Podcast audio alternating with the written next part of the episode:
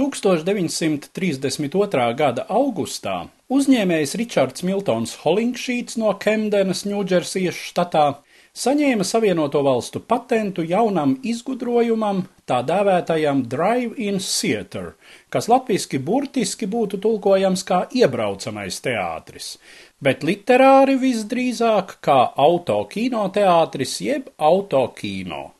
Holinkšīts bija radījis vienu no 20. gadsimta amerikāņu sadzīves fenomeniem - kinoteātri, kurā var iebraukt ar personīgo auto un noskatīties filmu, neizkāpjot no mašīnas.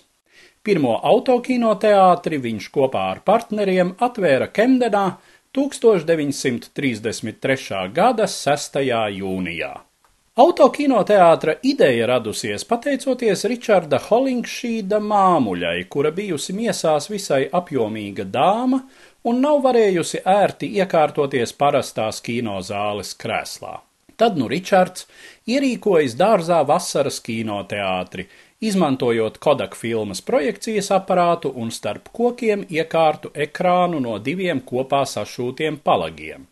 Lai nebūtu jāstiepj ārā dīvāns vai klubkrēsls, īsti labs risinājums izrādījies ģimenes auto, kura sēdeklī zvilnēdama Mrs. Holinkšīda varēja izdaļot dvēseli pēc sirds patikas. Jau dažos nākamajos gados pēc Kemdenas autokinoteātra atvēršanas līdzīgi iestādījumi sāka darboties vairākos desmitos Savienoto valstu štatu. Savu apogeju autokino popularitāte sasniedza 20. gadsimta 50. gadu beigās, kad to skaits Amerikā bija ap 4000.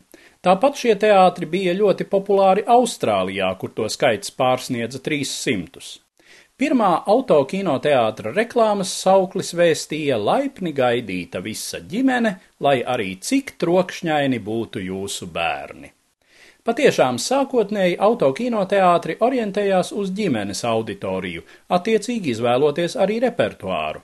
Tomēr jau visai drīz autokino priekšrocības sāka novērtēt jaunieši. No senčiem aizlienēta autiņa sēdeklī pārīši varēja justies vēl brīvāk nekā kinoteātra pēdējā rindā. Privātums, kādu apmeklētāji baudīja savu mašīnu salonos, lika autokinoteātru tēlam arvien noteiktāk mainīties no ģimenes izklaides vietām uz kaislību perēkļiem, kā tos sāka dēvēt 60. gados. 70. teātru īpašnieki vairs pat īpaši neslēpa orientēšanos uz primitīvu izklaidi, un autokino repertuārā sāka dominēt tā dēvētās eksploatācijas filmas. Kinodarbi, kuros galvenā nozīme bija tematikai, bieži vien pikantai vai nervu skutinošai, bet ar māksliniecisko līmeni kā bija, tā bija.